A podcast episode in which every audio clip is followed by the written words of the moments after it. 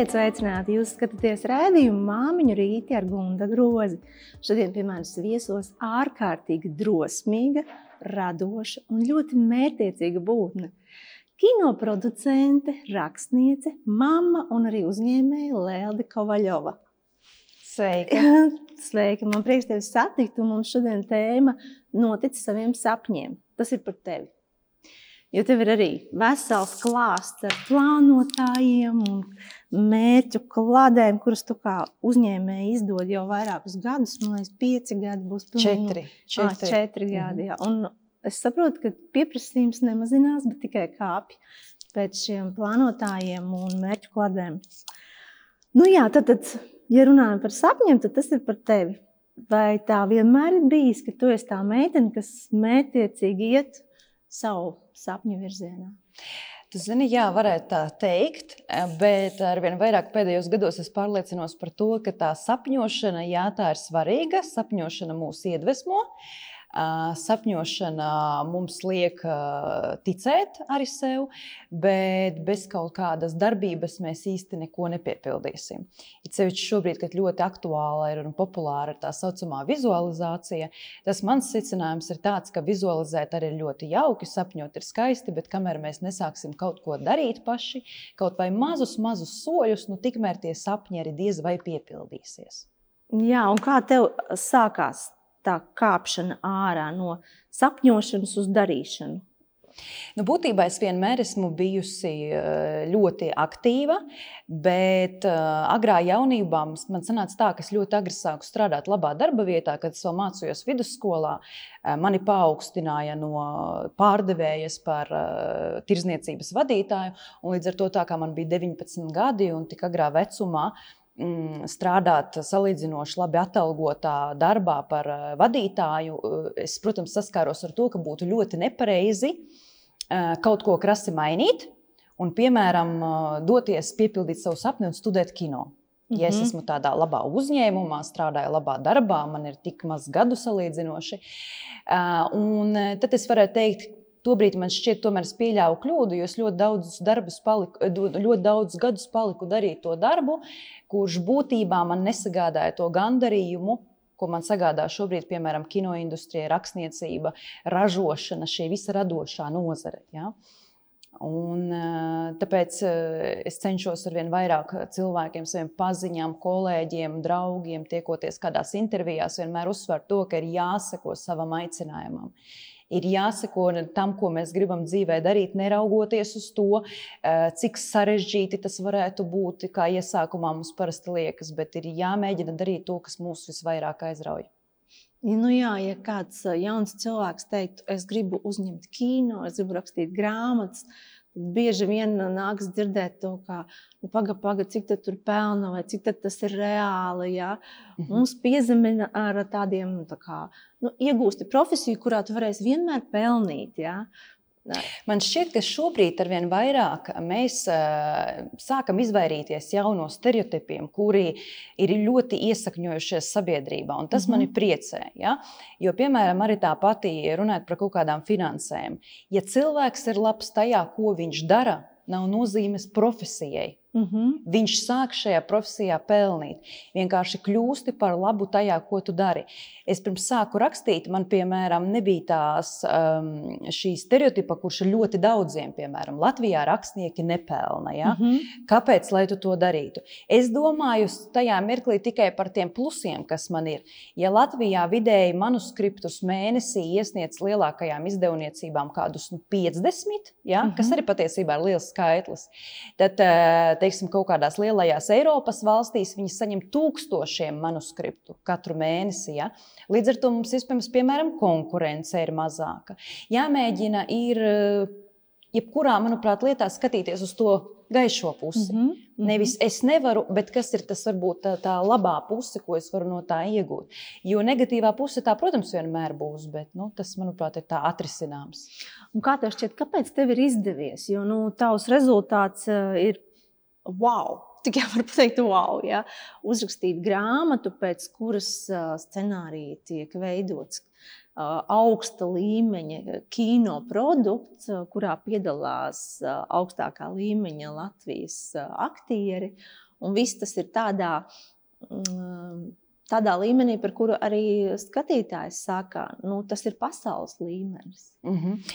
Tu zini, es tev teikšu uzreiz tā, ka mm, man pašai ir svarīgi, mēs tieši nesen ar vīru runājām.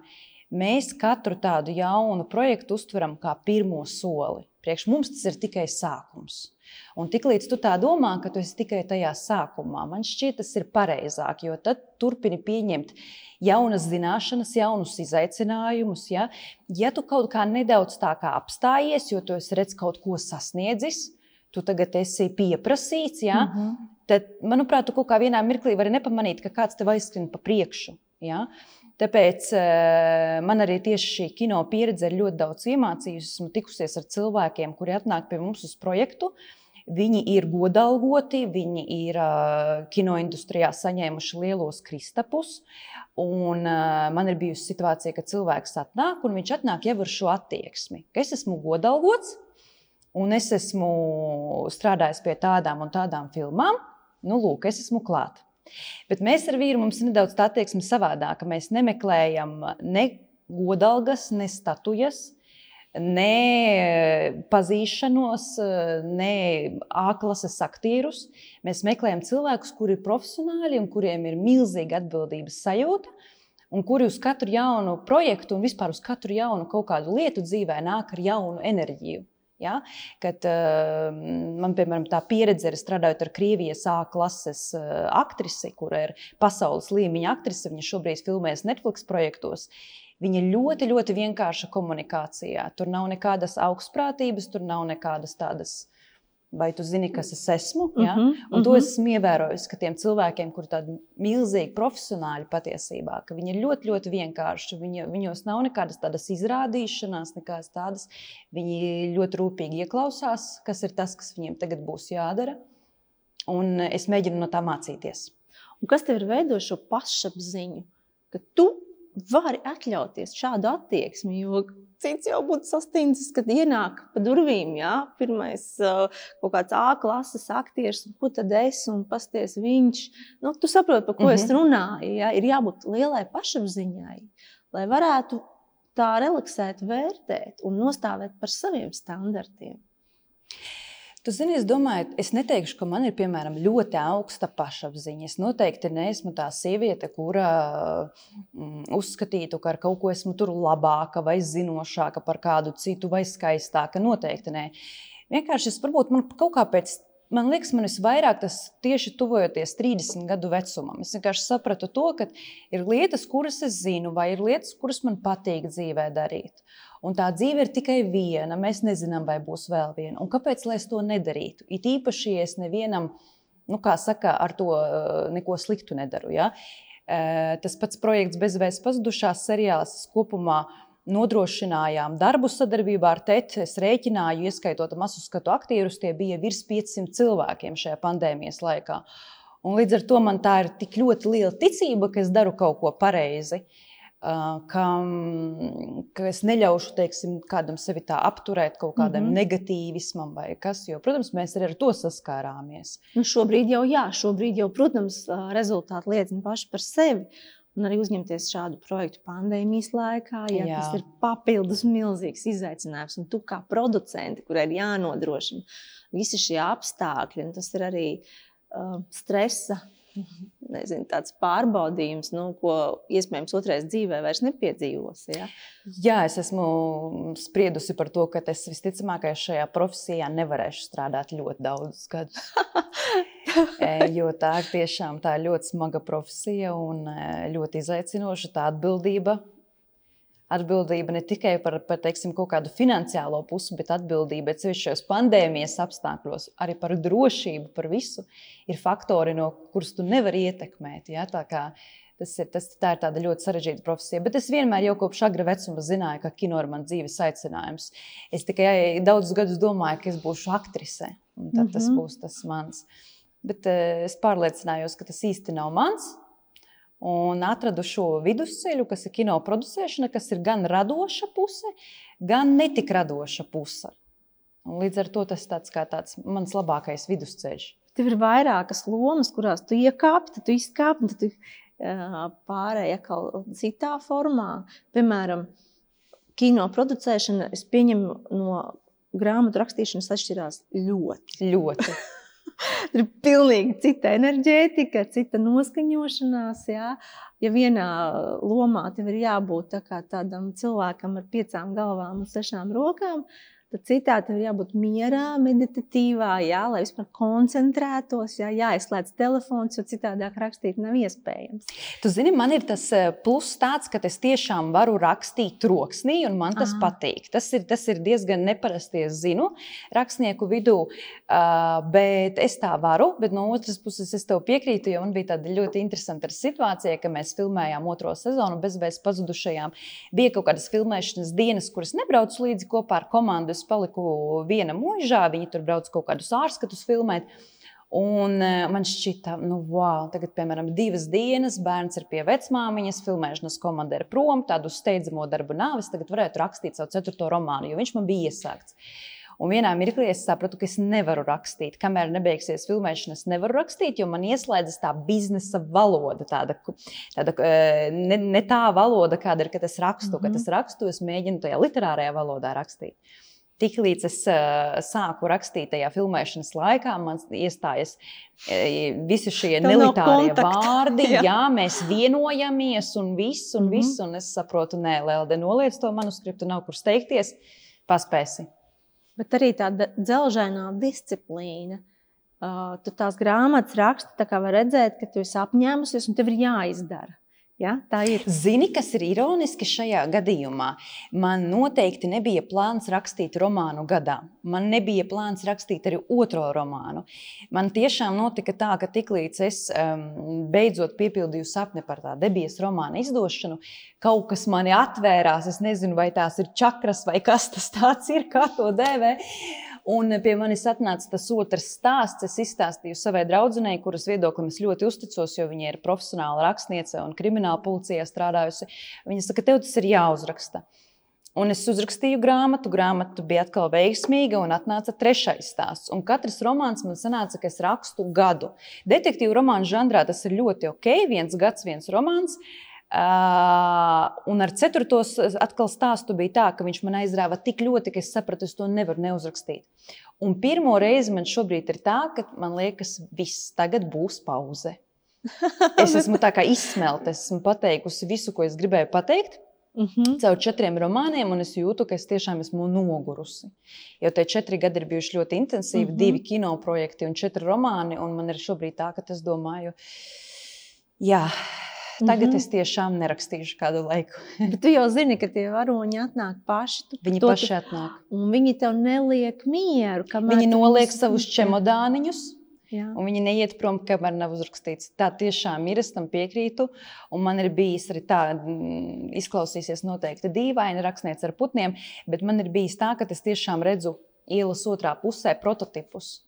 Man ir varoni, kuras iztēlojusies, un es eju kaut kur braucu, un es redzu, šī sieviete ir tik līdzīga, un nu, man tas neliek mieru vienkārši.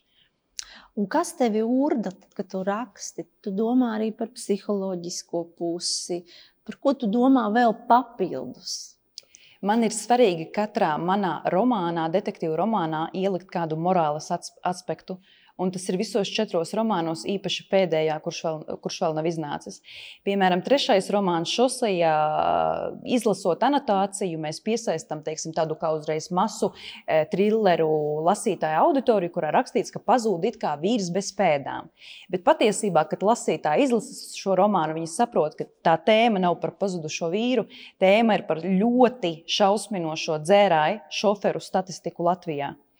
Un es vienkārši sēdēju un domāju, man tik ļoti ir eh, sāpina, ka es eh, izlasu kaut kādas tādas mm, mēdījos ziņas par, par, eh, par šausminošām avārijām, kurās nav vainīgs ne liktenis, ne kaut kādi, pie kurās ir vainīga vienkārši cilvēku bezatbildība. Tas, tas nav nekas cits. Ja? Un man šķita, kā es to kā Ne, ne masu influenceri, ne politiķis, ne, ne kaut kas teiksim, tāds cilvēks, kuram ir milzīga auditorija. Kā es varu to ietekmēt? Tad es reiz sapratu, man ir liels Latvijā lasītāju lokus. Ok, es parunāšu par šo jautājumu neuzkrītoši. Un tāpat man ir ceturtajā romānā, kur ir eh, būtībā galvenais jautājums par, eh, vai cilvēka dzīvi un karjeru var iznīcināt interneta komentāri. Un būtībā tas ir arī stāsts par to, ka aktieris, kurš tiek apsūdzēts smagā noziegumā, pirms ir notikusi tiesas sabiedrība, viņu jau izlems viņa vietā, vai viņš ir vainīgais. Un es izmantoju ļoti, ļoti daudz patiesus uh, stāstus, prototipus arī no tā, kas noticis arī Latvijā, kas, ko esmu dzirdējusi un redzējusi. Un man, uh, man tā tēma tā ļoti, ļoti iespaidoja, un es domāju, es gribu uzrakstīt par to interesantu romānu. Tevi kritiķi ir, nu, tā var teikt, audzējuši, jo tevi gan ir labi novērtējuši profesionāli, gan, gan auditorija. Bet vai tu pirms vispār kāpi tā publiski uz skatuves, tu baidījies, kāds būs novērtējums? Vai tev bija, vai es spēšu izturēt to? Zini, paldies par ļoti interesantu jautājumu. Man šķiet, ka mani ļoti iespaidoja tas, ka pirmo reizi, kad es iesniedzu bezvēsts pazudušās manuskriptu pirms vairākiem gadiem, ka man ne tikai viņi noraidīja, ka man uzrakstīja, ka tas ir katastrofāli slikti. Tas bija 2016. gads, ar vienu atceros, biju maģistrantūras studente, un man izdevniecības redaktore atbildēja, ka tas ir katastrofāli slikts manuskripts. Un ka tu jauns autors, kurš tik šausmīgi grib rakstīt, kuram ir tik lieli sapņi, saņem nevis vienkārši atteikumu, Bet tādu atteikumu, it īpaši, ja tu pirms tam esi pusotru gadu gandrīz negulējis un naktis rakstījis, ja, tas ļoti iespaido. Un šobrīd es to skatos, ka tas bija viens no labākajiem, viena no labākajām lietām, kas notika. Jo ar kritiku ir tā, ja tā kritika ir objektīva, ja viņa nāk no cilvēka, kura viedoklis respektēju, viņa man ļoti palīdz. Jā, es esmu tādā ziņā saudzēta. Es tiešām redzu, ka uh, vismaz dotajā mirklī es redzu, ka teiksim, kaut kādās arī literatūras ļoti daudzi pazīstami rakstnieki pozitīvi izsakās par maniem darbiem, un tas lasītāju lokus ļoti pieaug. Bet um, man ir cilvēki autoritātes, kuru viedoklī es ļoti, ļoti ieklausos. Piemēram, kā jau minēju, rakstniece Rolanda Būla, viņa ir mana draudzene. Viņa ir strādājusi 20 gadus krimināla policijā. Viņa ir strādājusi ar ļoti smagiem noziegumiem. Un, ja es rakstu detektīvu romānu, un es viņai nosūtu manuskriptu, viņa saka, Lelde, dzīvē izmeklētājs tā nekad nedarītu. Mm -hmm. Es nekad to manuskriptu nenodošu izdevniecībai, kamēr viņa man nepalīdzēs eh, kopā ar viņu, es neizlabošu. Jo to es noteikti negribu, lai ir gaumes lieta. Tev var patikt, tev var nepatikt, bet, ja ir pieļautas kaut kādas acīm redzamas kļūdas tikai tāpēc, ka neprofesionāli, tev ir Tev Jā. ir jābūt savā acīs, teikt, tīrai. Tev ir jābūt godīgai sirdsapziņai, ka tu izdarīji no Jā, savas profesionālās varēji, pieredzes labāko. Ja? Tālākais ir gaumas jautājums. Jā. Jā. Šī ir tāda laba pozīcija, kā sevi turēt tajā radošajā vidē, Vienmēr kāds var pateikt savu viedokli. Ja? Protams, un sevišķi man žanrs, ja, man, man, es tā ļoti objektīvi skatos. Trilleru detektīvu žanrs, viņš ir kaut kā vispār Latvijā Mēs spriedām, man, man arī kolēģi organizēja Latvijā pirmo detektīvu rakstnieku eh, satikšanos. Izrādās, ka mēs esam tādi 30. Un izrādās, ka lielākā daļa, kuri raksta šos detektīvus, viņu grāmatas ir pirktāko Latvijas grāmatu topos. Viņas lasa bibliotēkās. Bet kaut kā tajās literārajās aprindās kaut kāds stereotips, ka detektīvu romāns nu, tas ir kaut kas zemāks. Bet, ja mēs skatāmies tur mm, Nesbē, Norvēģiju vai Stevenu Kingu, tad tas, protams, tas ir atkal augsti. Ja? Tāpēc, eh, nē, es jūtu ļoti lielu Latvijā vispār cilvēki ir ļoti atbalstoši. Mm -hmm. Ļoti atbalstoši. Un, uh, es nezinu, reizēm man liekas, varbūt kādā citā pasaulē dzīvoju, bet man tas apkārtējais cilvēku lokus ir ļoti pozitīvi, ļoti mm -hmm. atbalstoši. Un ko tu gribētu pateikt kādai sievietei, kas mums skatās, un kurai ir tas vēl nerealizētais sapnis, un ir iekšā tās bailes, un šaubas un nedrošība. Jo īsti nezinu, būs, nebūs, bet kaut kas urda un neliek mieru. Um, Es esmu jau arī citējusi iepriekš intervijā, bet es uzskatu, ir ļoti laba lieta, kur ir vērts atkārtot. Alibaba Aliexpress dibinātājs, viņš ir teicis intervijā, ja tev kādreiz kāda ideja ļoti ilgi neliek mieru, tas nav tā, mums katru dienu iešaujās prātā idejas. Šodien man šķiet, ka tas ir labi, rīt jau es no rīta pieceļos un es saprotu, ah, nē, Tas noteikti nav nekas labs. Bet, ja mums ir idejas, kuras ilgstoši ir kopā ar mums, tajās ir potenciāls. Tas ir viennozīmīgi. Un, um, un man šķiet, ka nekad nebūs sliktāk, ja mēs pamēģināsim. Ja? Nekā mēs nepamēģināsim. Jo baidīties, mēs ļoti bieži baidamies nevis no tā, vai mums izdosies, mēs īstenībā baidamies, ko citi par mums padomās. Mēs ļoti bieži domājam, ko citi par mums domā. Vismaz es tā, esmu tā, par to novērojusi apkārtējā sabiedrībā. Nu, tas nav svarīgi, jo ir pierādījies, citi par mums nedomā mhm. īstenībā mm -hmm. daudz. Citi par mums domā mazu mirkli, un pēc tam par mums aizmirst. Ja? Bet mēs tā ir mūsu vienīgā dzīve, un mums ir jāpamēģina realizēt to, ko mēs gribam. Nesanāks, kas var būt sliktākais, kas notiks. Izgāzīsies, pasmiesies par tevi. Nu, tas notiks uz uh, mazu mirkli. Ja? Mm -hmm. Tā kā tas ir, e, es vienmēr iesaku sievietēm mēģināt un darīt un nebaidīties, jo skatos, cik apkārt ir talantīgi cilvēki, un man šķiet, ak, Dievs, es nekad dzīvē nemācētu, nu, ko to, piemēram, tā dziedāt. Jo, kad es dziedu, kaut kur pasaulē kaķis nomirst, saproti. E, tas ir. Esi teikusi, jā, ka tas ir tas, tas tu nedari. Jā. jā, ļoti daudz es gatavoju, es diezgan slikti gatavoju ēst, kaut gan man patīk, bet, nu, mm, Es e, vienreiz mēģināju vīram zupu uzvārīt, un pēc tam es sapratu, es to vairs nekad nedarīšu. Ja? Tā kā mums katrai ir, ar to es gribu pateikt, ka mums katrai ir savas stiprās puses, Un katrai ir savas vājības, un tāpat ir, tas ir jebkuram cilvēkam. Un man šķiet, ka ir svarīgi izdarīt to teiksim, akcentu dzīvē uz tām stiprajām pusēm, ko mēs jūtam, kas mums padodas. Nevis mēģināt spītīgi darīt kaut ko tādu, kur mēs nu, acīm redzami neesam tik talantīgi. Ja?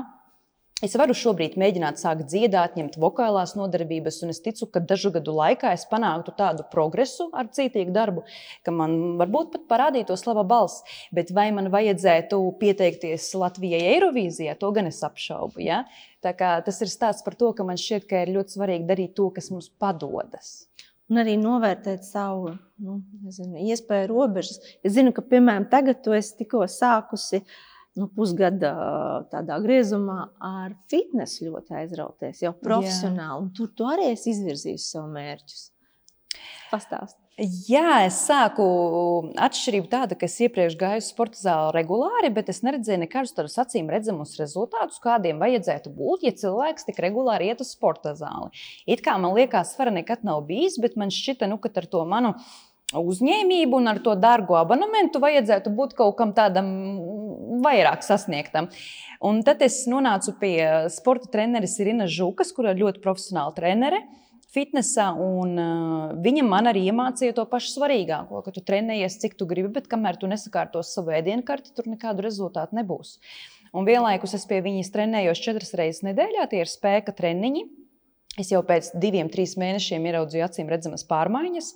Es zaudēju 7 kg svara. Nevienu mirkli ar viņas sastādītu ēdienkarti es neesmu mocījusies, izjutusi fiziskas mokas, ka es esmu badā un es nēdu un, un kaut ko tam līdzīgu. Jo viņa tieši pretēji liek ēst regulāri, bet viņa māca to, ka ir produkti, kuri mums nav vajadzīgi ikdienā tik daudz. Uh, un vienlaikus, jā, viņa man ierosināja piedalīties pirmajās fitnesa sacensībās šogad. Bet es esmu tā vēl pati uz jautājumu. Es vēl neesmu tā pieņēmis lēmumu, vai esmu tam gatava, jo es ieraudzīju to uh, to sagatavotības līmeni, un es sapratu, ka man vēl tas ir jāpadomā. Bet nu, sievišķīgs bonus nāk klāt, visas tās formas un jaunā pašsajūta. Un tas, ko tu redzi spogulī, tas tā droši vien tagad ir tā vēl papildus. Pa, Jā, bet tas galvenais mērķis man ir veselība un e, maksimāli mazināt stresu.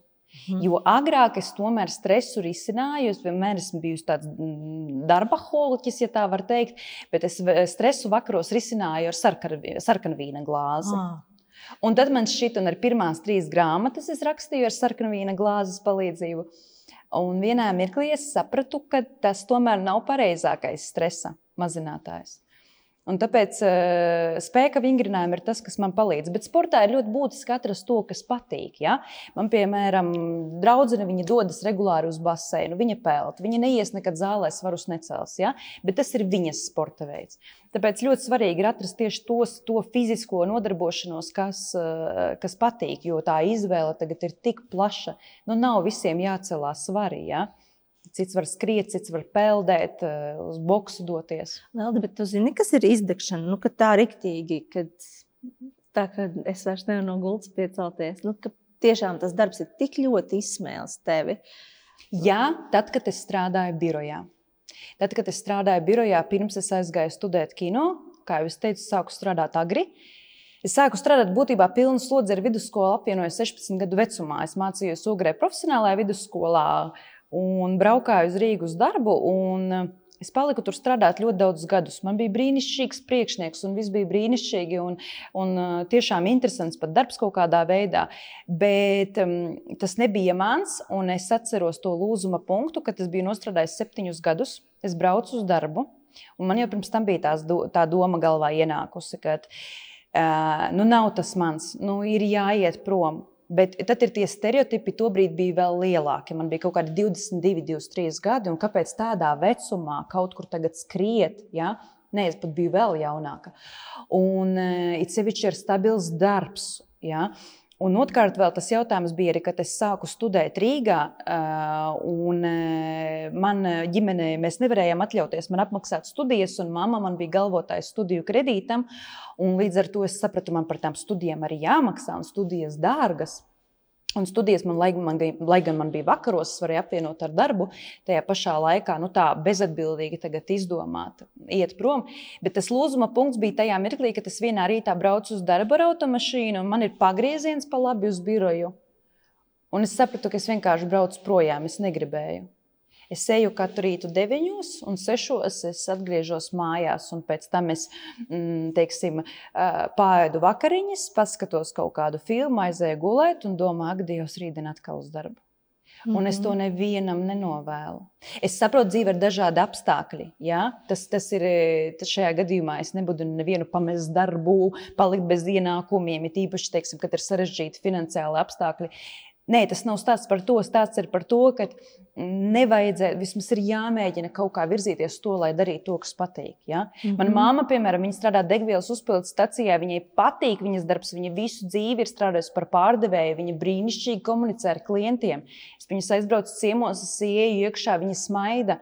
Viņa saka, es nekad negribētu tā kā tu uzņemties tādu atbildību. Mm -hmm, ja? mm -hmm. Tāpēc tie cilvēki, cilvēki, mēs visi esam ļoti dažādi, bet, bet būt teiksim, tajā, kas mums patīk, tas, tas gan man liekas ļoti svarīgi.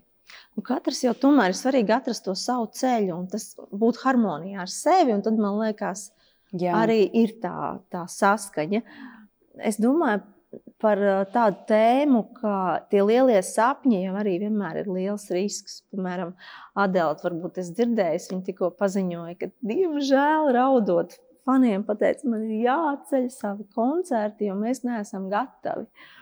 Un uh, publikas reakcija bija diezgan nu, kritiska. Jā, nu, kā tā var, kā var nebūt gatavi. Bet nu, viņai tur savi iemesli, tur Covid mm -hmm. un tā.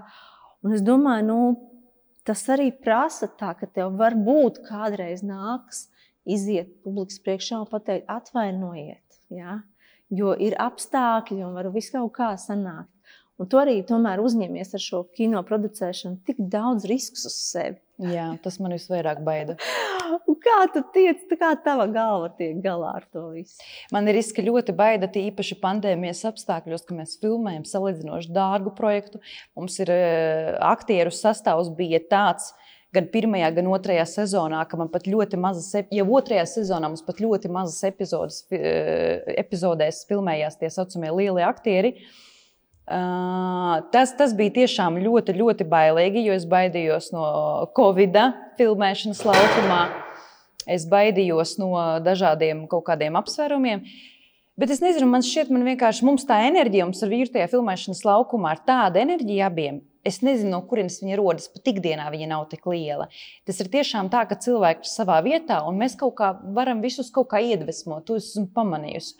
Un tad, kad bija samontēta aizkadra filma par projektu, kura pie skatītājiem vēl nav nonākusi, es ievēroju, ka tur ļoti daudz cilvēku to saka, mēs ar savu enerģiju kaut kā varam pacelt. Pat jau tad, kad ir mm, pavisam noguruši. Mums tās mājiņas tomēr bija 14, 16 stundas regulāri un filmējām ļoti izaicinošas ainas ar dedzināšanu, ar kaskadieriem, ar ātrā palīdzību uz laukuma un visu. Un, bet, kad tev ir tā enerģija un tu esi savā vietā un tu tā dedz par savu ideju, tu tā tici.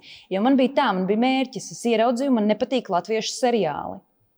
Mm -hmm. Un es sapratu, tā, vai nu es palieku dīvaini eksperts un saku, ka latvieši vispār neko neiet filmēt, vai nu es daru visu, kas ir manos spēkos, ir īpaši ņemot vērā, ka tā ir mana profesija. Ja?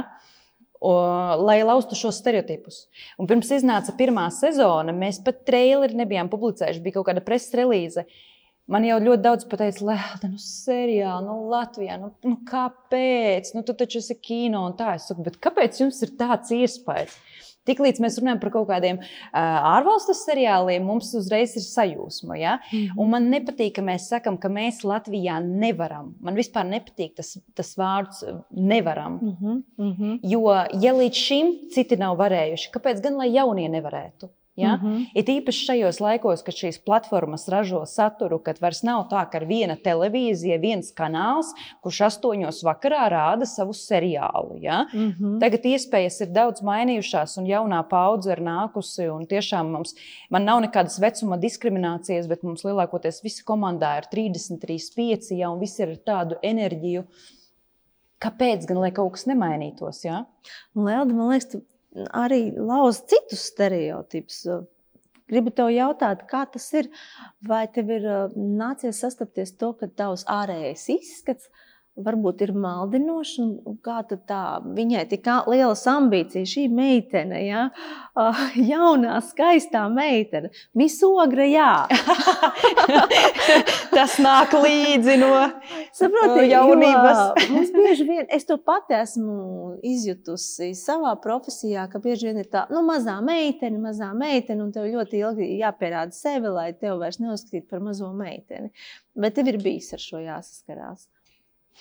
Būtībā, zini, es teiksim, neteikšu, es esmu, es esmu dzirdējusi jaunu rakstnieci. Jā, es esmu teiksim, e, sajūtusi kaut kādus stereotipus par to, ka, ja, te, ja tu esi kā jauna, nu, tad, tad tu neesi nopietns rakstnieks kas man vispār šķiet absurds kaut kādā mērā. Ja?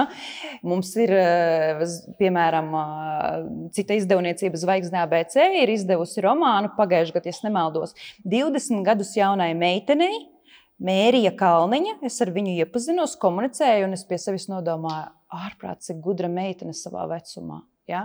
Tiešām, cik, cik viņa raksta gan šajā mm, citā žanrā, viņa raksta šajā uh, romantiskajā žanrā, kas nav mans žanrs, bet es tiešām tā dažas lapas, lapas puses palasīju un nodomāju, gudra, jauna meitene.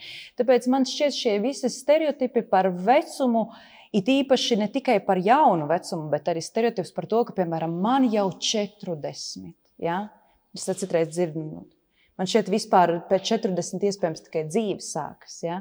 Nu, mums ir jādomā globālāk, ja mēs teiksim, e, mums, mums nav jādomā šajā kaut kādā tādā domāšanā, kas bija mūsu vecākiem. Ja? Kad uh, līdz 25 ir jāprecās, ja nē, tu esi vecmeita. Ja? Pēc 40 tev jau sāk, jāsāk pensijai ir atlikt. Ja? Un viss ir jādzīvo tā, kā mēs gribam dzīvot un to, ko mēs gribam sasniegt. Jā, es, protams, jūtu ierobežojumus tam, ka mēs dzīvojam salīdzinoši maža, mazā valstī. Ja? Nu, piemēram, Mēs nofilmējām īsfilmu Krievijas valodā, izlikām YouTube kanālā, un uh, gada laikā, vai divu gadu laikā, viņiem bija 15 miljoni skatījumu. Ja? Un es atceros, mēs pirms Covid vēl bijām aizbraukuši ar vīrusu Sanktpēterburgu, un vienkārši viņi atpazina uz ielas manu vīru. Tikai tāpēc, ka īsfilmu YouTube noskatījušies 15 miljoni cilvēki. Ja? Latvijā dēļ tā, ka šis tirgus ir tiešām ļoti mazs, protams, ka tur reizēm tā sāpīgi. Tīpaši, ka mums raksta komentārus ļoti daudzi, ka tas ir Netflix līmeņa seriāls. Ja? Un man šķiet, ka nu, mēs tomēr esam mazā auditorijā. Bet Bet tas arī tas ir tikai iespējams, tas ir uz laiku. Ja, ja darbs ir labs, agrāk vai vēlāk, iespējams, to pamanīs arī globāli. Tu sarunā bieži pieminēji savu vīru, ar kuru tu strādā ļoti cieši tandēmā jau daudzus gadus. Un tas ir vēl viens stereotips, ko tu lauzi, ka nav iespējams jā, ar savu mīļoto cilvēku uh, nu, tā cieši strādāt, jo tas bojā attiecības. Paskaidro, kā jums izdevās un kas ir jūsu formula. Es noteikti neteikšu, ka tas ir perfekti, ka mēs esam paraugu pāris un mums viss ir tā kā piemīlīgās Instagram fotografijās. Es esmu ļoti realista. Mēs arī strīdamies. Mēs arī varam kliegt viens uz otru. Mēs esam normāli cilvēki. Ja? Nekādas perfekcijas mūsu dzīvē nav. Arī strādājot kopā. kopā. Jā, mēs esam kopā. Es domāju, ka ne, es, Mēs neesam konkurenti. Mēs viens otram vienmēr pateiksim to, ko mēs domājam. No sākuma mēs viens uz otru varam pakliegt, jo viņš man var arī aizrādīt. Viņš pat ekranizēja bezvēsts pazudušās un rakstīja scenāriju. Viņš saka, Lēlda, nu kas tā pa sieviešu drāmas līniju tik ilgi, nu, bet es taču arī vīriešiem taisu seriālu. Un tev tur trīs sižeta līnijas sieviešu drāma. Nu, nu, vīriešiem arī kaut kas vajadzīgs. Ja? Un visu to mēs varam tādā veidā viens otram norādīt. Bet, Bet būtībā man šī visa pamatā ir tāda cieņa vienam pret otru. Jo es viņu kā režisoru ļoti augstu respektēju, sevišķi ņemot vērā, kā viņš strādā ar Latvijas aktieriem. Tas man šķita fascinējoši. Kāds viņš ir darba holiķis, kā viņš panāk arī par sevi daudz vecāku cilvēku respektu. Tas man ļoti fascinē. Bet mēs spējam nošķirt to, to darbs ir darbs, un, un privātā dzīve ir privātā dzīve. Turklāt arī e, uz filmēšanas laukumā nav tā, ka producents ar režisoru tur sēž viens otram blakus un tur rociņi. Ja? Mēs esam pilnīgi atšķirīgos departamentos, lielos projektos. Režisors ir uz laukuma ar komandu, un producenti ļoti lielos projektos producents pat varbūt tikai zina, kas pa projektu tiek filmēts un iedot naudu. Ja? Šajā gadījumā es tā kā es ar visu sirdi dvēseli katrā projektā eju iekšā, tad es arī dzīvoju uz laukuma, bet es esmu vispār kopā ar savām producēšanas meitenēm. Mēs varbūt jau gatavojamies nākamajai filmēšanas dienai, un es savu vīru satieku tikai vakarā pēc mājiņas, tur 23.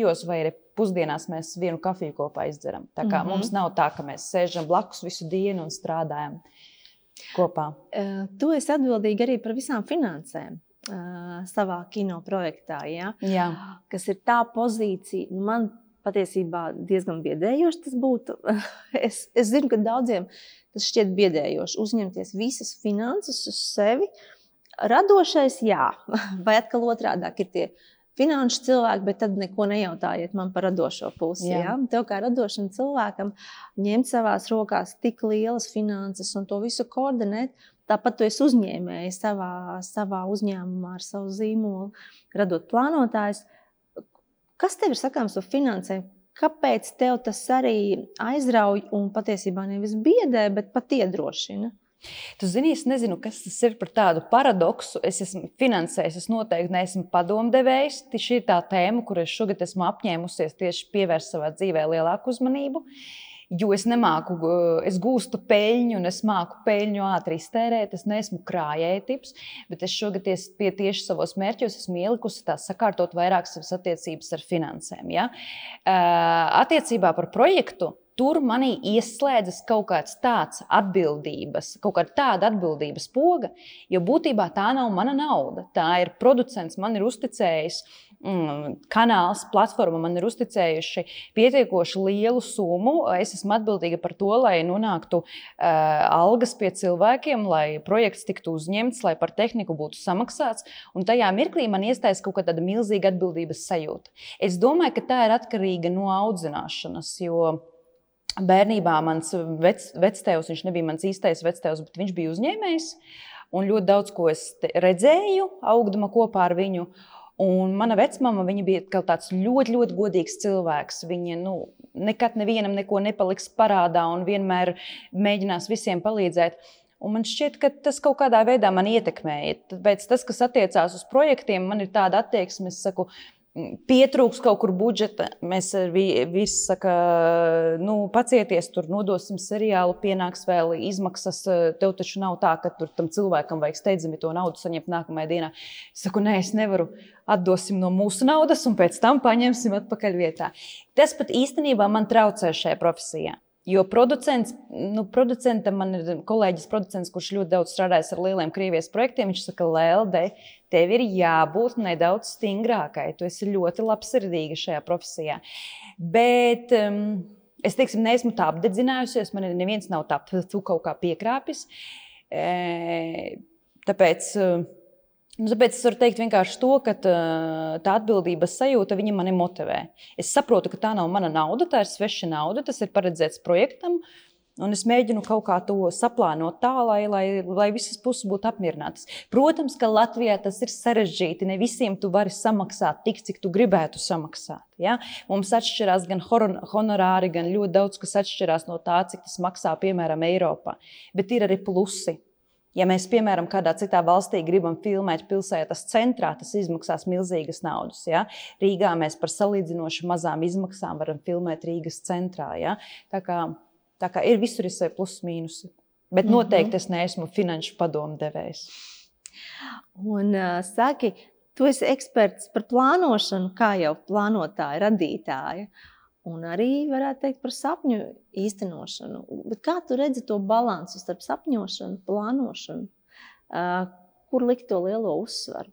Jo, kā tu pati minēji, mūsu sarunas sākumā, tagad ir topā visas šīs vizualizācijas, manifestācijas, jā. visi šie te, es sēžu, iztēlojos mākoņus virs galvas. Man tas nedaudz jā. biedē.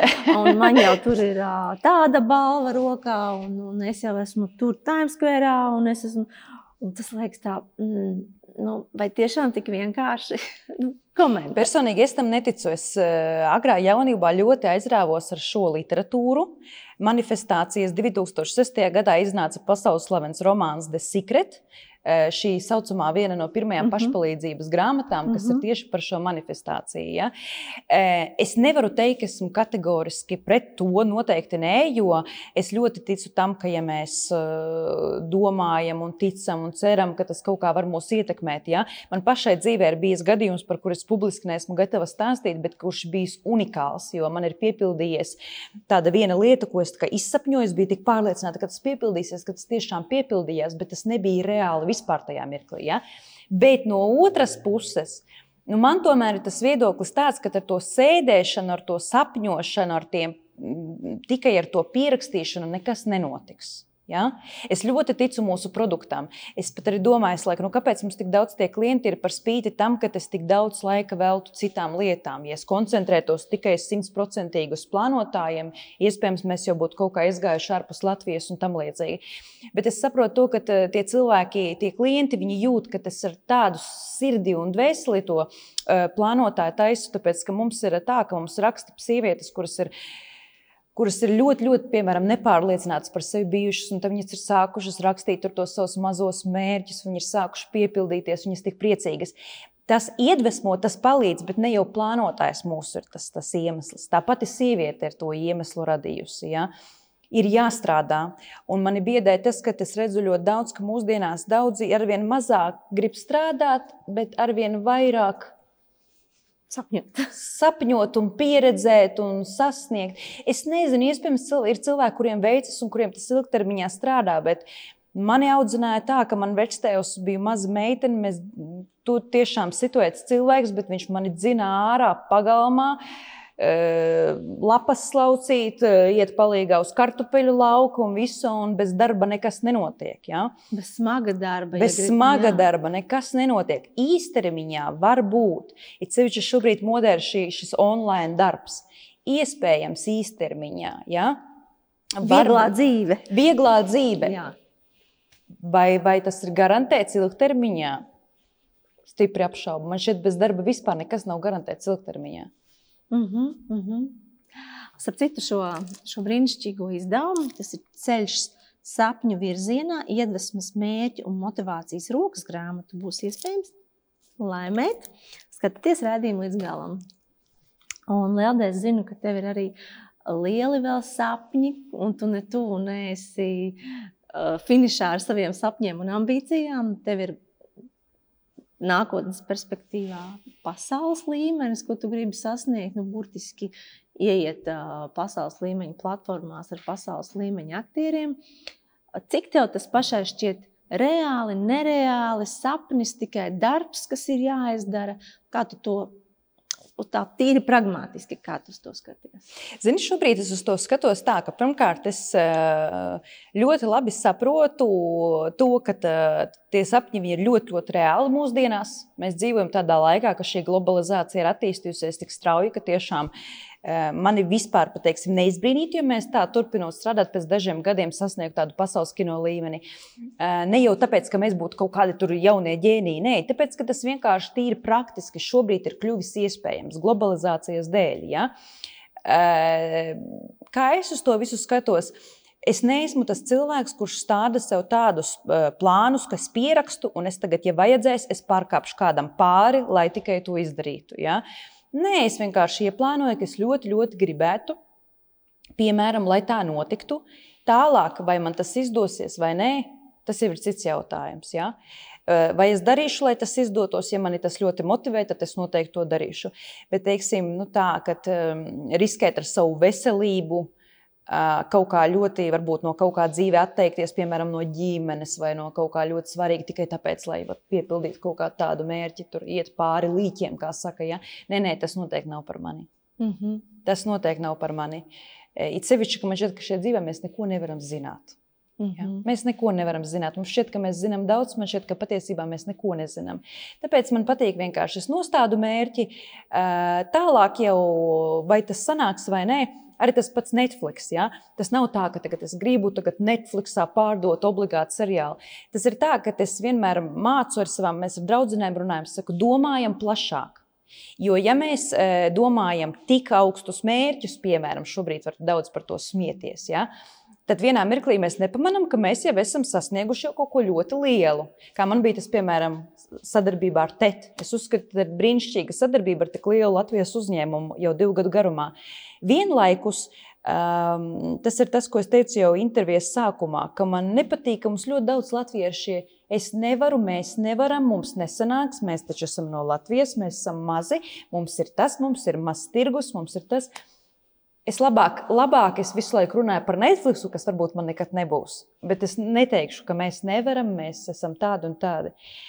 Kādi mums kaut vai, kaut vai par kino, kādi mums ir aktieri? Es, man arī bija stereotipi. Mēs pirms uzrakstīt scenārijas, es izlasu scenāriju un es domāju, Pļāviens, cik labs scenārijs, nu tur vajag tādus aktierus.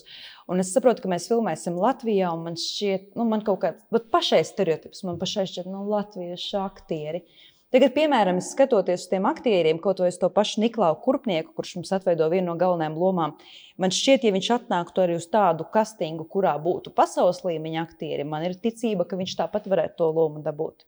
Jo viņš ir ļoti liels talants. Ja? Mums ir ļoti daudz talantīgu cilvēku. Mums ir talantīgi operatori, mums ir talantīgi aktieri, mums vispār ir daudz talantīgu cilvēku. Mm -hmm. To jau arī pierāda tas, ka mūsu talanti jau mirst pasaulē daudz vietā. Jā, mūsu un mums ir. Latvijā. Tad, kad mēs sakām, ka citi jau citi, ko tad mēs latvieši, man gribētos, lai mēs atceramies, ka mums tomēr ir mazāk par diviem miljoniem iedzīvotāju. Ja? Man arī par fitnesa sacensībām piemērs ir. Mums stāsta par fitnesa sacensībām, kuros, kurās konkurence būs ar Krievijas meitenēm. Un ļoti pareizi šī sieviete ir saka, viņa saka, jūs neaizmirstiet, ka tas ir 140 miljonu tirgus un atbrauc pārstāvis no 140 miljonu tirgus. Un jūs esat mazāk par 2 miljoni. Ja? Tā ir tādas lietas, ko mēs reizēm aizmirstam. Man šķiet, ka mums Latvijā tomēr ir ļoti daudz talantīgu, radošu cilvēku. Un ne tikai radošajā sfērā. Uh, un, starp citu, Lēldē, es lasīju, ka tev ideja grāmatai, savai pirmajai, radās uh, dodos, dodoties pastaigā ar bērnu ratiņiem. Otrajai. Otrajai, jā. jā. Tad es tev gribu jautāt, ko vispār bērns tev mainīja un kā viņš tev atvēra tavas radošās čakras un kā mainīja tavu personību? Visu mainīja. nu, stāsti. Visu. Uh, es sapratu, kas ir beznosacījuma mīlestība, kas ir bez egoisma mīlestība. Es sapratu vispār mātes lomu. Es savu mammu sāku novērtēt vairāk.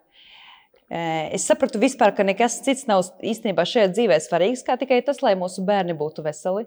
Viss pārējais tās ir tautas valodā sakot, pupumizas. Un tad, kad tu to saproti, un tad, kad tev tas pie tevis atnāk, tajā mirklī tev tas viss pārējais, kas ir pēkšņi kļuvis par pupumizām, tu par to, pret to visu sāc attiekties vienkāršāk. Tev vairs nav tā, ka tev šķiet, ja tu kaut kur kaut ko eh, neizdarīsi, tas būs pasaules gals. Ja? Tādas vienkāršākas lietas viņš man iemācīja priecāties par ļoti vienkāršām lietām. Mēs ar vienu ļoti bieži ar vīru brīnamies par to, ka viņš No rīta mēs braucam, mums uz biroju, mums vajag, mums centrā ir birojas, mums vajag paņemt kafiju kaut kādā veidā iz, izmest viņu pie dārziņa, nokļūt birojā, bet viņš pa ceļam ir paspējis ieraudzīt, ka tur ir atkrituma mašīna piebraukusi. Un šobrīd krāmē tos atkritumus, un es nekad to atkritumu mašīnu neesmu pamanījusi. Bet tur ir cilvēki, kas dara savu darbu katru rītu. Vai viņš kaut kādu putniņu, vai viņš vasarā ieraugo kaut ko tādu, un viņš par to stāsta, un viņš priecājas par kaut kādu tādu mazu lietu, par kuru mēs, pieaugušie, Vienā mirklī mēs kaut kā pārstājam redzēt, priecāties, nianses, detaļas, krāsas. Viņš visu redz. Un, un, un, un, un. Nu, jā, tas man pilnībā izmainīja to dzīves uztveri. Tāds mazs cilvēciņš, un es ticu, ka visi bērni piedzimst labi. Un tikai no mums pieaugušajiem ir atkarīgs, par kādiem cilvēkiem viņi kļūs. Arī milzīga atbildība, vai ne? Un milzīga atbildība, jā. To arī es teiktu, ka tev ģimene ir pirmajā vietā. Mazs komentārs par šo. Jā, man, protams, ģimene ir pirmajā vietā. Es nevaru iedomāties, kā var, teiksim, iespējams, ir daudz cilvēku, kuri to var, un tā ir viņu izvēle. Es, piemēram, tādu, mm, jā, es, es, es ļoti tādu fantastisku sajūtu esmu guvusi, kad es turēju rokās savu romānu. Kad es redzu, šobrīd, piemēram, samontēt otro sezonu, man šķiet nopietni, mēs to nofilmējām. Bet tajā pašā laikā es saprotu, nu, ka tādu īstu piepildījumu man šķiet eh, var sniegt tie cilvēki, kas mums ir blakus, tādi savējie. Un, um, un tāpēc es bez šaubām šķiet, ka ģimene tas ir svarīgākais, kas var, kas var būt uh, mums vispār savi tuvie cilvēki. Ja? Man vīrs nesen intervijā savā pirmajā citēja krievu režisoru. Uh, viņam tā ir mīļākā frāze. Uh, tāds krievu režisors Aleksis Balabanovs ir teicis, šajā dzīvē svarīgākais ir atrast savējos un nomierināties. Un tas ir tik skaisti. Atrast savējos un nomierināties. Un tas nav tikai par ģimeni. Tas ir arī ar cilvēku, ar kuriem mēs strādājam. Vai mēs esam tajā savā lokā? Un, ja mēs esam tajā savā lokā un mums apkārt ir tie savi cilvēki, tas ir, tas ir, ir milzīga dāvana no dzīves. Mm -hmm. Paldies tev par šo sarunu. Man vēl ir trīs eh, jautājumi no auditorijas, bet es jau tev gribu pateikt, ka nu, tu uzspridzini ar savu enerģiju un, un ar savu drosmi un pārliecību. Man liekas, ka tev pat vajadzētu latviešu sievietēm ik pa laikam kādu lekciju novadīt. Jā, man, man jau to teica, jau prasījies. Es visu laiku saku, nākamajā projektā, kad pabeigšu nākamo projektu, nākamo projektu, tad obligāti. jā, lai mēs tā kā, ah, jā, pareizi, jā, jā, mēs varam, varam, varam. Jā? Protams. Ne tikai sapņot un plānot, bet arī darīt un realizēt. Uh, jā, bet ir šie trīs jautājumi no auditorijas. Protams, kurš smēlies iedvesmu savām grāmatām?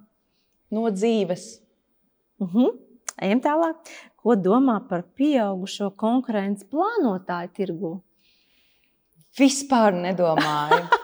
Ziniet, tas ir ļoti interesants jautājums, jo man kādreiz atsūta kaut kādas bildes, lai tu redzi, kāds plānotājs nodrukāts, lai tu redzi. Es domāju, mīļie, eh, Katram ir tāds, par to man rakstniecība iemācīja, un to ļoti svarīgi atcerēties par konkurenci. Katram darbam ir savs lasītājs. Tā saka rakstniecībā, un tā arī ir dzīvē. Arī. Katram, katrai filmai ir savs skatītājs, katram plānotājam ir sava kliente. Kādai patīk mans plānotājs, kādai patīk cits plānotājs. Vai tev ir sapnis par Oskaru balvu? Nē, Nē, es nezinu, vispār producentiem dot, laikam jau dot to dot, producentiem arī Oskaru. Ja? Es neesmu īpaši izglītota. Mēs esam skatītāji cilvēki. Mēs varam eh, stundām priecāties par atsauksmi, kur ir uzrakstījis vienkārši latviešu skatītājs. Man vakardien uzraksta vīrietis, 50 eh, gadi, viņš man uzraksta garu vēstuli par to, ka viņš ir šokēts, ka Latvijā tāda seriāla tiek uzņemta un kā viņam ir paticis, un ir sievu skatījušies. Un es varu nolasīt tādu atsauksmi skaļi vīram, un mēs varam par to priecāties tā, kā cits priecātos par lielo Kristapu. Brīnišķīgi. Nu, lūk, mums ir iespēja arī uh, izspēlēt šo, šo burvīgo dāvanu, kas ir iedvesmas, mērķu un motivācijas rokas grāmata. Tikai jāatbild pareizi uz Lēlas uzdoto jautājumu. Lūk, tavs jautājums. Jā, jautājums patiesībā man šķiet ir vienkāršs. Uz to var atbildēt. Man šķiet, arī jebkura meitene, sieviete, kā jums šķiet, kura ir tā populārākā plānotāju krāsa? Mm -hmm. Gadu no gada, kur ir tā krāsa, kura tomēr sievietēm tik ļoti, ļoti patīk? Nu, lūk, un savu versiju sūtiet uz Akropols sociālo tīklu kontiem, vai nu Facebook, vienkārši kā vēstulīte, vai Instagram. Pasteidzieties, jautājums ir diezgan vienkāršs, uz to var ātri atbildēt, un jums būs iespēja laimēt šo brīnišķīgo izdevumu. Lelda, un es tev teikšu paldies par šo sarunu ar dāvanu karti. Tu pat vari doties shoppingā. Iepirkšanās un izklaides galvaspilsētā Akropola tev dāvina dāvanu karti. Paldies, sirsnīgs paldies. Un no manis grāmata Mama zina vislabāk. Paldies! Jā. Redziet, vizualizācija tomēr strādā, strādā, strādā. Es nepareizi pateicu. Jā. Ļoti gribēju šo grāmatu. Paldies! Nu, lūk agri vai vēlu sapņi piepildās. Paldies, Jā, paldies ka bijāt liels. kopā ar mums un tiekamies jau atkal pavisam drīz. Atā! Paldies!